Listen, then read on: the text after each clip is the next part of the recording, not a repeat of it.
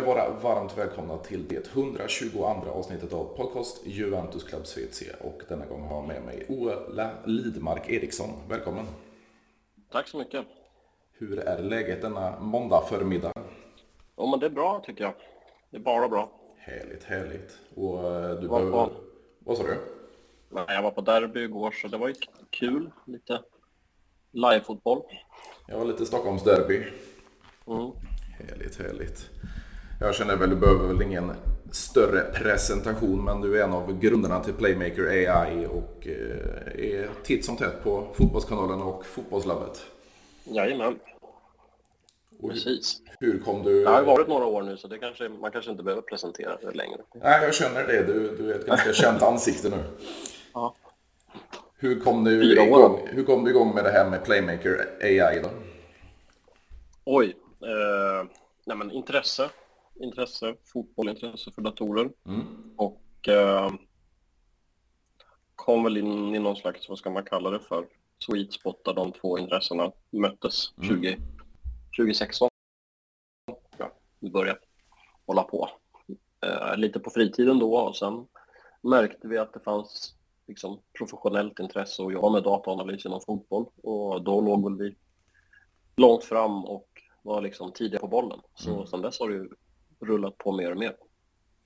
Så nu hjälper vi ju ganska många klubbar i Sverige med dataanalys och sen såklart på TV4 och Fotbollskanalen. Ja, precis. Och det, det är väl ett ganska eh, modernt verktyg som du säger de flesta fotbollsklubbar använder sig av idag. Men det, du, du säger att det är även på svensk mark. Ja, absolut. Så är det ju. Det samlas ju liksom in mer och mer data för varje år som går och det är ju inte så att det kommer samlas in mindre data framöver heller utan det är ju någonting alla behöver förhålla sig till och se till att man faktiskt får ut någonting nyttigt av det. För det går ju att få. Liksom. Ja, precis. Och det, det är väl det här gamla, om man, man får hoppa över till en annan sport, eh, med Moneyball som, som eh, kom igång i USA.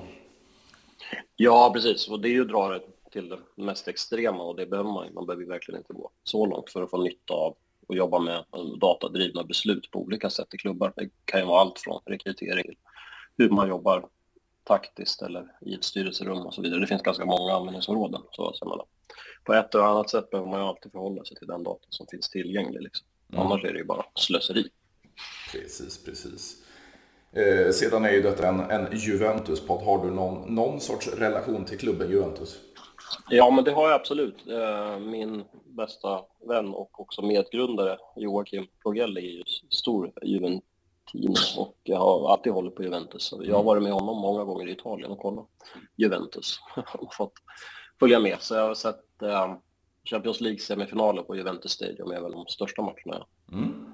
har sett där. Eh, Så ja, absolut, jag har varit på Juventus Stadium ett, ett par gånger. Det är ju en superfin arena som, på tal om gårdagens derby, inte är helt olik Tele2, tycker jag. I hur man, även om den är större så påminner de om varandra på något sätt. De borde ju vara byggda ungefär samtidigt också. Ja, precis. Den blev klar 2011, Juventus Stadium. Mm. Just det, precis. Det är superfin anläggning. Och det blir ju ett jäkla tryck där, så den är ju väldigt trevlig att gå på. Ja, precis. Och det, det är ju det var, det är bra att jag fick reda på det, för jag trodde inte du hade någon koppling till klubben, men då har du varit där många gånger.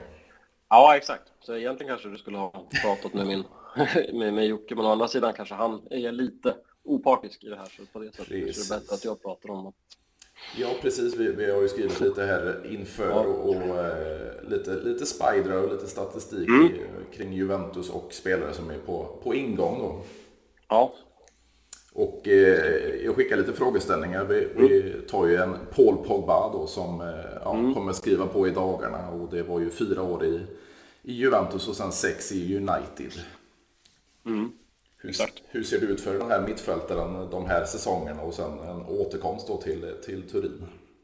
precis. Jag har inte, vi har inte så här detaljerad data hur långt tillbaka i tiden som helst, så vi får ju gå på de åren han har i United. Och där är ju mitt öga som kommer ihåg honom i Juventus. Mm. Sett honom live också så var han ju otroligt bra, tycker jag. Juventus. Då var han ju, tyckte jag, som man upplevde väldigt ofta, en av liksom, ja, världens bästa spelare, tyckte jag. Liksom. Sen, sen eh, har han väl fått mycket kritik, men faktum är om man tittar liksom, siffermässigt så har han ju alltid varit en av dem som ändå producerar bäst output i United. Liksom alla de här säsongerna. Sen har det kanske blivit lite sämre för varje år som har gått, men det är fortfarande en otroligt bra spelare. Och eh, framför allt kanske i passningsspelet. Alltså det offensiva passningsspelet. Mm. Så jag tror ju att det blir superbra. Verkligen. Ja, om man tittar tillbaka så alltså, vi, vi som, som har följt Pogba sen han lämnade Juventus, det, det har ju varit den här, samma kritiken då att det funkar inte i United, men, men, det är ju samtidigt att vem har fungerat i United under ja, men det är ju lite det, precis, det är lite det som jag tycker blir, blir grejen. Alltså att han gör det fortfarande faktiskt ganska bra om man tittar på ja, men liksom hur mycket mark han vinner med sitt passningsspel och hur mycket avgörande passningar han slår. Så där och så. så jag menar, han gör ju fortfarande väldigt mycket för laget. Um, sen kanske det inte alltid ändå då går ända fram till att det ser ut som att de vinner väldigt många matcher och väldigt många titlar liksom, som United inte har gjort. Liksom. Nej, och samtidigt så drar man den här parallellerna till det, det franska landslaget då, där han har en, en Golo Kanté omkring sig som, som städar upp och, och, man har ju faktiskt vunnit eh, mästerskap under tiden han har befunnit sig Exakt. i United. Ja, verkligen, verkligen. Men givet liksom de minuter som han ändå har spelat i United bara den här säsongen så är han ju absolut bland de bästa spelarna om du tittar på siffror liksom. Han mm. har ju överlägset till exempel flest assist per 90 och även väldigt bra siffror när vi pratar liksom pass till straffområdet, mycket han tar sig till farliga ytor och så vidare och så vidare. Så jag menar, det är fortfarande en otroligt bra fotbollsspelare, det vill jag påstå. Och eh, ja, jag tror att han kommer kunna göra jättenytta, verkligen.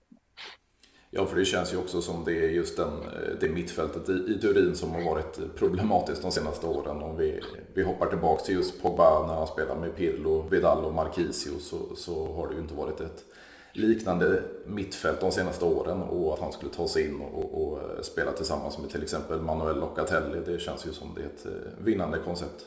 Mm. Mm, verkligen, verkligen. Nej, så det ser jag jättepositivt på. Um, det kanske är liksom det han behöver om man ska prata lite rika världen också, alltså mm. komma till en annan, annan miljö. Men som sagt, om man tittar på de underliggande siffrorna så ser det ju fortfarande även i United bra ut. Relativt andra United, om man säger så. Mm.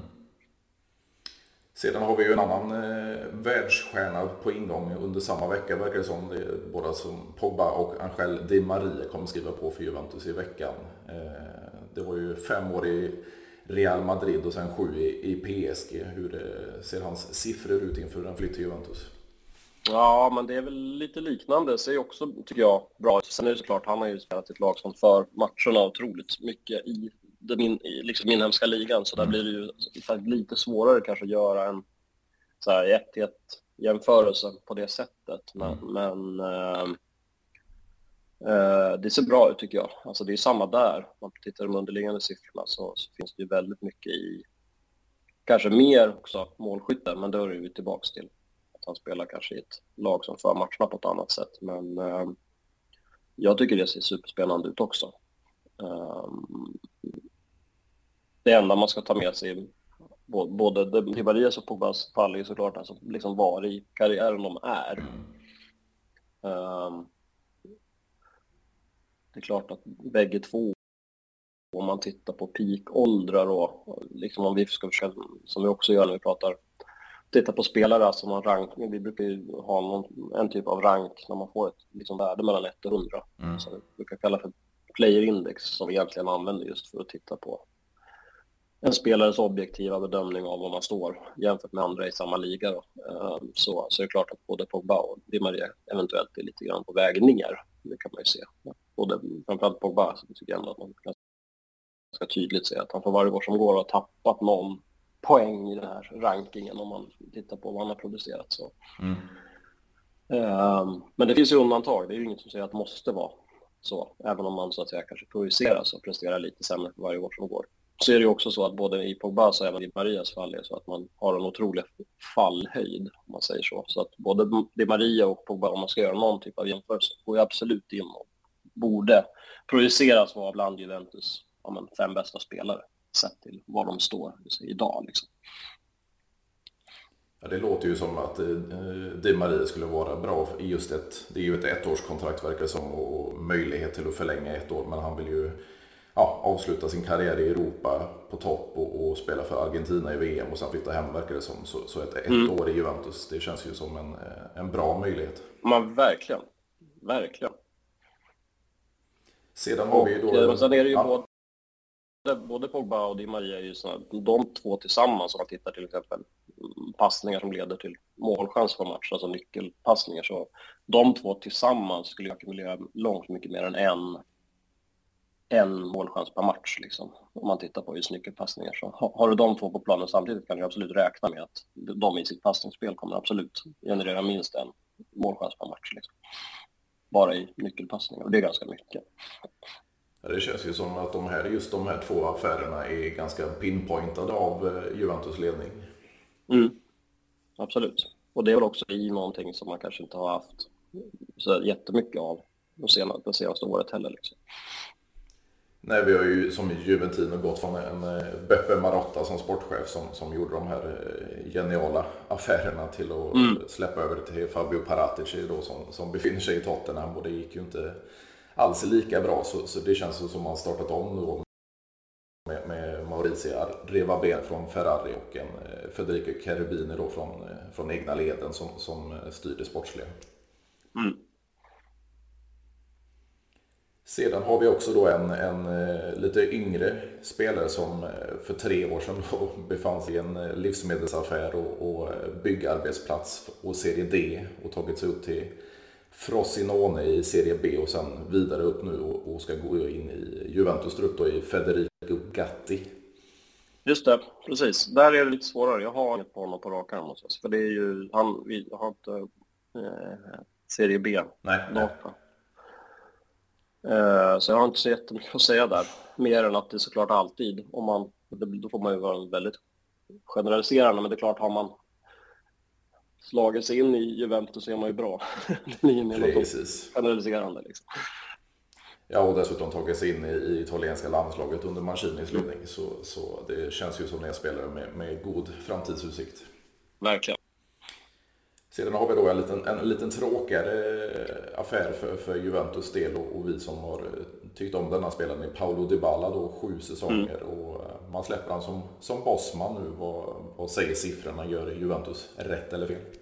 Ja, men det, det är en jättebra fråga. Alltså, som jag minns det så pratades det väl mycket om att han var spelaren man skulle bygga runt. Att mm. det var liksom den kommande stora stjärnan som skulle liksom lyfta Juventus. Och då kanske man någonstans också förväntar sig lite progression om vi tittar på siffror och vi ska prata det här rankingen som vi gör så mm. kanske man hade velat se att han för varje år så går blir lite bättre. Men faktum är ju att tittar man siffermässigt så är väl just säsongen 21-22 hans kanske sämsta i Juventus-karriären. Så på det sättet kan det ju kanske vara rätt att släppa honom om man vill frigöra utrymme och plocka in annat. Då. Mm. Um, men sen är det ju fortfarande så att om du tittar på de underliggande siffrorna och vad han faktiskt har gjort, återigen målgivande passningar och chansskapande passningar och även i viss mån såklart målskyttet och den konverteringen han har på de avslut han tar så är det ju, så är det ju Juventus bästa offensiva spelare ändå. Man släpper liksom. Bortsett såklart Vlahovic, även om det är en helt annan typ. Men, mm. men, det, är klart att, det är klart att Dybala ändå mest troligt är Juventus bästa spelare, eller har varit liksom. Om vi tittar på siffrorna de senaste säsongerna. Så objektivt skulle jag väl ändå säga då på det sättet att det är ett nej på den. Man skulle inte ha släppt honom. Nej. Men som sagt, det är ju det. Man ska planera en trupp och det finns ju mycket annat som, som ska vägas in när du ska planera din trupp för kanske göra ett bygge för ett par år framåt. Så, så vill du ha så bra spelare som möjligt här och nu så skulle jag ju säga nej, släpp honom inte. Ja, det är ju lite så här, vad Arriva Bene då uttalar sig om. Han har ju sagt det att eh, man har byggt ett nytt projekt då runt just Vlahovic och, och, då kan inte lägga de här pengarna på en, en Dybala som har varit extremt skadedrabbad och det är väl mm. det man tänker på i, i, i främst eh, led för, för mm. som du säger statistiskt sett så, så är han ju en av de bästa men, men de här skadorna har gjort att det, det blir hackigt i kurvan. Ja exakt. jo men så är det ju. Och, men som sagt, givet att han får vara frisk, vilket man säkert också skulle kunna ta ett grepp kring och försöka lösa, så, så är han ju en ruskigt bra spelare. Men jag förstår, ju, jag förstår ju att man kanske vill frigöra utrymme och plocka in andra. Och kanske för hans del också, han kanske också ser att det är läge att byta miljö. Ja, precis. För att få en liten skjuts och ta nästa kliv till att bli en riktig liksom, topp, topp Ballon d'Or-aspirant. Och där är han ju inte just nu. Även om han är fortfarande en av, eller förra säsongen kanske var Juventus bästa spelare. De, de minuterna han spelar sett till siffrorna. Så siffermässigt så skulle det talas ju om, om Inter, Milan och Napoli. De skulle göra en bra affär att plocka in honom. Absolut. Mm. Gud ja, alla tre. Absolut. Utan tvekan. Det, det, det, känns ju inte gött i ett Juventus-hjärta, men... Eh, nej, men det, så är det ju. Va? Ja, nej, men verkligen. Nej, men, nej, men alltså, alla de tre klubbarna som du nämner skulle ju verkligen... Det är ju en spelare som skulle gå rakt in i, startelvan, samma mm. Ja, det känns ju som ett ganska giftigt om vi, vi tar Juventus då, en Chiesa, en Vlahovic och det är Maria jämfört med, med Inter och Lukaku, eh, Lautaro Martinez och en potentiell Dybala. Då. Ja, verkligen. Just, verkligen, det skulle ju vara superkul. Säger jag som håller på Sampdoria. Men... ja, det, det, det är ju ingen större rival mot oss så det, det, det är välkommet. Nej, exakt. Nej, exakt. Det är ganska tacksamt överhuvudtaget. Sådär. Man, man provocerar aldrig. Nej, men det är en fin klubb och vi har ju en, en ex-Juventino som, som förlängde nyligen också i Quaguarella. Ja. Så. Exakt. En fin klubb. Mm.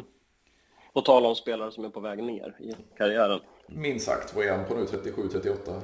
Ja, visst är han det. Absolut. Jag kan inte exakt, men det är han ju. Ja, det är en härlig spelare. Jag minns de, de här. Mm. Han gjorde mycket. Det var inte mycket mål kanske, men mycket fina mål. Ja, ja exakt. Exakt. Det är hans grej. Ja, precis, precis. Sedan har vi ju en annan spelare som du, du nämnde där i, i Dusan Vlahovic då som eh, mm. eh, verkligen gjorde en och en halv säsong i Fiorentina med, med bravur. Och, och ja. Hur ser det ut för han framöver i Juventus? Ja, men det ser jättebra ut. Alltså, jag har ju haft ett, jag har ju uttalat mig om honom ett gäng gånger under säsongen i, i fotbollslabbet och på Fotbollskanalen just om hur enormt viktig han var för Fiorentina, han hade, stod ju för liksom, över en tredjedel, kanske till och med mer, av Fiorentinas ackumulerade målchanser var ju han som tog. Liksom. Det är väl, han har legat jättehögt i olika sådana där parametrar och det är en sån där som eh, ofta indikerar att man är viktig för sitt lag såklart, alltså om det står för en väldigt stor del av lagets ackumulerade avslut. Jag tror till och med han stod för över en tredjedel av all XG som Fiorentina hade och det är klart att man vill sätta sina bästa avslutare i, i lägen. Och det fanns ju någon liknande när Ronaldo spelade i Juventus, att han mm. var uppe på liknande siffror. Och det är ju inget konstigt att de här världsklassanfallarna är de som såklart vill ta avsluten och ska göra det för att de är väldigt bra på att konvertera lägen till mål. Um, och det där var ju någonting som jag tyckte att Juventus lite har saknat, alltså en sån tydlig spets som står för väldigt stor del av avsluten och gör det bra. Och eh, det är väl egentligen det man kan säga sen han kom, det är väl att han kanske inte står för så stor del av avsluten som man kanske borde, sett till hur bra han är, men att han har gjort det väldigt bra, även i Juventus. Han fick väl ihop sju mål till slut på någonting som kanske, om man tittar på förväntade mål, var någonstans runt 5-6. Och det är ju precis så som man kanske kunde förvänta sig utifrån mm. vad han har gjort i Fiorentina, även om han där kanske fick ännu mer lägen under den här säsongen i alla fall än man faktiskt till slut då fick i Juventus. Ehm, så kanske att man i Juventus ska bygga ännu mer kring att sätta honom i ännu fler lägen framöver för att få ännu mer ut av honom om man säger så. Men det finns ju ingenting som det ser ut just nu som indikerar någonting annat än att han ska kunna ta sig upp emot en bit över 20 mål nästa säsong. Om man får vara skadefri. Och det är väl det man vill ha i Juventus. Och jag har ju varit lite sådär tveksam tidigare utifrån att det egentligen är en, en och en halv säsong i Fiorentina där han verkligen har levererat på den här nivån mm. där man ändå nästan kan kalla honom för en av liksom världens absolut bästa avslutare och göra det. Uh, det, det enda som saknas i ett sånt perspektiv det är just det här att kunna titta på att en, rör över en ännu längre serie av säsonger, ja, men typ som Lewandowski, där man vet att han har gjort de här siffrorna i tio år. Det är svårt också för Vlahovic såklart. Man måste ju börja någonstans. Men, men eh, givet vad Juventus är just nu så var nog Vlahovic det bästa, den bästa värvningen man kunde göra om man, om man pratar riktigt bra avslutare. Liksom. För jag misstänker att ja, men, typ Lewandowski är just nu lite för långt skott för att, vara till, för att gå till Juventus. Liksom. Man är mm. inte där just nu. Nej men det känns ju också som, som du var inne på tidigare med både Pogba och Di Maria då med, med de här siffrorna som tyder på, på nyckelpassningar. Att det är just därför man plockar in de här spelarna för att ge bättre service till, till Vlahovic. Ja, ja, ja men exakt, exakt, exakt. Så får Vlahovic bollar att jobba med, vilket jag är övertygad om att han kommer få de två, liksom, då, ja, men, som sagt, 20 mål är ju det minsta man kan tänka sig, skulle jag säga. Ja, det låter ju extremt lovande för, för den kommande ja, ja. säsongen. För, för ja, just den här, eh, alltså att han har gått längre ner i banan och fått uh, hämta boll. Det, det, känns ju inte som det, det han ska göra utan han ska bli, få mer service från mittfältet. Exakt, exakt. Ja, det låter ju extremt lovande. Men, men eh, om vi tänker en, en annan anfallare som ja, det är fortsatta förhandlingar även fast han har åkt hem då till, till Atletico de Madrid. Men en, Alvaro Morata som, som har kostat Juventus 20 miljoner euro nu på två lånesäsonger och, och man vill mm. inte köpa loss honom för ytterligare 35. Vad tyder hans siffror på att ska man försöka knyta till sig honom permanent eller släppa honom? Det beror lite grann på vilken roll han ska ha då, men det är klart att om du jämför Moratas rena avslutssiffror med Vlahovic så är ju inte han på den nivån om vi pratar mål, mål han gör kontra hur många så kallade XG eller förväntade mål han ska göra Mm. Så, är ju, så är ju Morata lite av en, så här, i stort också, notorisk sumpare. Så det är klart att den rollen har han ju kanske inte riktigt haft i Juventus heller all, alltid, men eh, som avslutare är han ju inte alls på, på Vlahovic nivå. Så det handlar ju mer om, om, om, vilken roll han ska ha i laget och om den roll han ska spela liksom är värd de pengarna, mm. om du förstår vad jag menar. Om det kanske är så att han mer ska vara en target kanske det går att hitta rimligare eller bättre alternativ som inte kostar lika mycket som kanske rent av är bättre. Eh, men äh, jämfört med Vlahovic som avslutare är han ju inte, om man, om man säger så. Nej, det är just de här, om man ska jämföra siffrorna med, med vad det kostar att köpa en sån spelare. Det har ju pratats en hel del om Marco Arnautovic i, i Bologna då, som en billigare lösning och en backup till, till, till Vlahovic. Mm. Fullt rimligt tycker jag. Alltså, då kanske man får loss lite löneutrymme till annat också i en trupp. Ja, precis. Österrike är väl inte så dyr eh, lönemässigt? Ja, kanske inte. Väl inflationen nu då mm. som driver upp det. Men sen har ju Vlahovic då, eller förlåt, nu pratar vi Morata, mm. men Morata i vissa säsonger såklart, han är ju en duktig, framförallt huvudspelare. Um, och det kanske han framförallt visade i när han spelade i Atletico Madrid, där var eh, har ruggiga siffror när det gäller huvudspel. Mm. Så, men då, då, där spelar de ju lite annorlunda. Så det är klart att han kanske fungerar bättre i en sån, skulle fungera ännu bättre i en sån miljö. Liksom, där man utnyttjar honom och hans huvudspel mer. Liksom. Jo, men det känns ju lite så här då, att ha en Morata som, som backup till, till Vlahovic. Det är ju att han ska acceptera en sån roll också och, och ja, spela mycket mindre. Precis. Nej, då. Nej, men och där tror jag ju att det finns rimligare och bättre alternativ. Ja, och så just den här som han fick spela då i, när vi värvade in Vlahovic, då fick ju Morata utgå lite mer som en, vi, vi brukar ju kalla det för Mandzukic-rollen, att eh, du plockar ut en central anfallare och spelar mer ytter. Eh, men plockar man in eh, Angel Di Marie och får tillbaka Chiesa från sin skada så, så känns det ju som eh, resursförstörelse och, och sätta ja, Morata där ute. Exakt. Sedan, sedan har vi ju en, en eh, mittback som det diskuteras var och varannan dag då i Mattis Delikt som har eh, kommit in i tre säsonger i Juventus nu. Är det en eh, framtida världsstjärna vi ser förloras eller vad, vad säger hans siffror? Ja, precis. Um, den är ju, tycker jag, alltså, det blir ju det där, alltså han såg ju så otroligt bra ut när han kom. Och liksom, man förstod ju verkligen, verkligen varför han värvades. Och sen blir det ju alltid en fråga kring hur mycket tid man ska få innan man mm. gör någon bedömning av det där. Han är ju inte riktigt där än, men uh, jag tror också att han kommer absolut kunna ta sig dit. Han är ju fortfarande en av liksom, Juventus absolut bästa spelare och inte så långt från Chiellini, så jag tror ju att han på lite sikt, om han inte redan nu är där, så, är, så tror jag absolut att han kan axla manteln av att bli en riktig förs liksom, försvarsklippa man kan lita sig mot under många år. Så han har ju absolut bra siffror. Liksom. Det skulle vara en förlust att, släppa honom och till exempel då ersätta honom med en eh, mycket äldre Kalidou Koulibaly. Ja, alltså, å andra sidan är Koulibaly en riktig sifferfavorit. Mm. Kan jag säga. Han sticker ut i diverse defensiva parametrar. Um, så ja, det, det vill jag låta vara osagt faktiskt. Ja, det är ju en viss eh, åldersskillnad. Vad är det? Delicht är 22 och Koulibaly har väl fyllt 31 nu. Men, eh, ja. men rent statistiskt så skulle han ju vara en världsback för Juventus i 3-4 år framöver gissar jag på. Det tror jag också. Minst, definitivt. Utan tvekan. Sen uh, är det väl det då med Delicht att där har du ju å andra sidan då en som var vadå, 15 mm. år.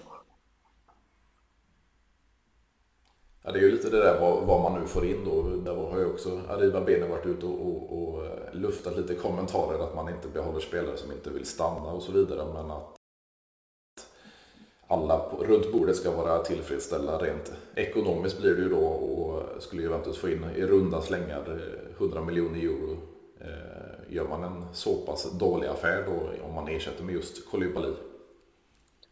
Nej, inte planen, det tror jag inte inte på planen här och nu, men det är klart att i, i truppbygget på lite längre sikt så gör man ju mest troligt det. Det är ju återigen så två olika sidor av det myntet. Absolut. Men som sagt, om du pratar bara siffror så är det kanske till och med så att man gör en bra affär. Liksom. Ja, vi har ju en liten annan spelare där i våra stadsrivaler då, Torino i, som Bremer som det talas en del om Just det. Mm, absolut. Honom har vi också tittat på i, i fotbollslabbet i år. Mm. Um, det är också superspännande tycker jag, absolut. Ja, för det hade ju varit ett, ett spännande par dessutom om vi, vi bara siar om framtiden och få in både Bremer och Koulibaly och ersätta en, en Delicht då, då har man väl ganska, kanske en ganska bra affär för, för Bremen ja. inte gammal heller. Nej, exakt. Nej, men precis så. Verkligen. Det låter ju extremt Sen är det väl så att Kolibali har, har ju varit lite skadad och sådär i år, så han gör ju mm. kanske inte heller sin, sin, sin bästa säsong. Ehm, den kanske han har ett par år tillbaka i tiden, när han också hade ganska bra utdelning i offensivt straffområde. Han har ju 2017 18 säsong och gör fem mm. mål till exempel. Och då, eh, mest troligt när jag kollar bra alla andra spelare, men är, slås ju säkert in i den säsongens 11 i liksom Serie A bästa spelare. Eh, så givet att Kolibali får vara skadefri så, jag menar, i en miljö som Juventus så tror jag absolut att han är lite vassare här nu än vad det är. Ja, och man ska väl inte underskatta det här med att han har spelat i, jag tror åtta säsonger i, i Napoli och kan Serie A. Mm. Ja, exakt, exakt, exakt. Sedan är ju de här grejerna också, Napoli har väl varit ute lite i Europa, men, men om man jämför med Juventus så är det ju ingen Champions League-klubb på samma sätt och, Nej, och den erfarenheten som Koulibaly har, eh, om det skulle räcka till då till Europaspelet också. Precis. Eh, sedan har vi då en spelare som vi också nämnt i, i Federico Chiesa som, som eh, briljerade i Fiorentina och sen gick till Juventus och sen eh, hade ett ganska hyfsat EM för Italien innan eh, mm. den här knäskadan kom. Vad, vad ser du hans framtid i Juventus? Ja, men den är ljus, absolut. Uh, det finns ju mycket där. Uh, tycker att han även den här säsongen den tid han har, klart att det inte är så här superbra. om man pratar i liksom, passningsspelet. Men om det är någonting han har även den här säsongen mot det spel och dribblingsförmågan, alltså slå sin spelare, där är han ju absolut bland de bästa i hela Serie A till och med. Mm. Oavsett hur mycket han spelar liksom och i vilken form han är verkar det vara som. Så det vi vill se lite mer Förlåt. Vi vill se lite ja, värdera när han ska göra vad. Det är ju någonting som är lite så typiskt yngre spelare att man gärna dribblar lite mer än vad man passar. Så, mm. så äh, jag tycker att han ser superspännande ut. Det, det vet vi på något sätt. Och, um, jag tror att man har någonting väldigt bra på gång med honom om han får, givet att han får fortsätta utvecklas och inte vara skadad. Liksom. Ja, det känns ju också som den här föreställningen, åtminstone jag har, för jag sa det när han spelade tillsammans med Ronaldo, så spelade hela laget Juventus för Ronaldo medan Chiesa gick för sig mm. själv. Och det, det som du säger korrelerar ju med, med just det känns det som. Exakt, ja men verkligen. verkligen. Han är ju otroligt lyckosam just i en mot en-spelet, men kanske inte lika lyckosam alls i poängskapande eller passningsspel. Då. Så, så givet att, och det är ju någonting man kan utveckla, så jag tror att det blir Jag tror verkligen att han kan göra det bra. Ja, men det känns ju eh, väldigt givande. Alltså en, en Chiesa, en Vlahovic och, och då en Di Maria där med, med en Pogba bakom. Det känns ju att ni kan bli desto mer poäng den här kommande säsongen. Ja, oh ja. Oh ja. Sedan så har vi ju en till spelare då som, ja det förhandlas ju i dagarna och, och det, det, kan ju bli ett, ett lån med, med tvingande köpoption eller spelare emellan och, och det är ju Nicolo Saniolo i Roma som det, det talas kraftigt om till Juventus. Har eh, mm. två korsbandsskador bakom sig men eh, säger, vad säger statistiken? Eh, jag är inte så superövertygad om vi ska liksom jämföra hur statistiken ser ut så, så är det ju såklart inte helt olikt hur det är med, med Kessa, alltså utifrån just att det är en ung spelare som har ganska bra siffror en mot en. Eh, liksom verkligen sticker ut i en mot en spel och eh, utmana och skapa ytor åt sig själv och sådär. De kanske inte har lika bra output när vi pratar passningsspel och sätta upp lagkamrater. och sen ovanpå det en ganska stökig skottkarta. Tar en del, eller ganska mycket, tveksamma avslut. Det är också en typisk sån där sak som när vi pratar beslutsfattande och lite ungt, ung, ska vi kalla det, ung naivitet eller mm. att man vill visa upp sig själv, att man bryter in från sin kant och lossar avslut istället för att söka passning. Det kan man se ganska tydligt i skottkartan och det är inte helt ovanligt att man ser det. Att tar ganska mycket svåra avslut från svåra lägen där det inte är så speciellt sannolikt att man gör mål. Då. Och nu har jag inte, får man ju kolla video om man ska utveckla honom och liksom titta på hur han fattar beslut. Men ofta kan man ju se att det säkert inspelslägen istället för att göra de här avsluten från lite dåliga lägen. Så att man kan söka någonting annat. Det är ju typiskt det man ser i siffrorna också. Mm. Bra en mot en, men passningsspelet är inte där och han sätter inte upp lagkamrater i bättre lägen utan han skapar lägen för sig själv eller går på slut. Så jag är inte, så här, jag är inte superövertygad, det kan jag inte säga. Men om man tar just Saniolo och Kesa som är där 2022 och 23 mm. eh, och mm. jämför det då med, med en spelare som är 7-8 år äldre. Kan det handla om mognad i spelet? Ja, men absolut. Precis så. Verkligen. Absolut. Helt klart. Men sen är det ju, jag kan ju tycka att i en klubb som Juventus så kan man ju leta de spelare som redan har det där. De mm. finns Jo, men det finns ju färdiga spelare. Det är ju samma som Exakt. vi diskuterade i diverse avsnitt som jag har spelat in här. Vi har ju några ungtuppar i Juventus i, i Nicolo Fagioli och, och, Fabio Meretti som fick speltid nu i slutet av säsongen. Och, och eh, Juventus kanske inte kända för att ge de här yngre talangerna chansen något större. Och, och Max Allegri är det ju verkligen inte. Precis. Exakt. Så det, det återstår ju att se då om man skulle ge en, en eh, Saniolo chansen, men det känns ju som det är en spelare som, som han gillar också. Ja, ja, exakt. Det är ju såklart, det ska man inte underskatta ur, ur det perspektivet, absolut inte.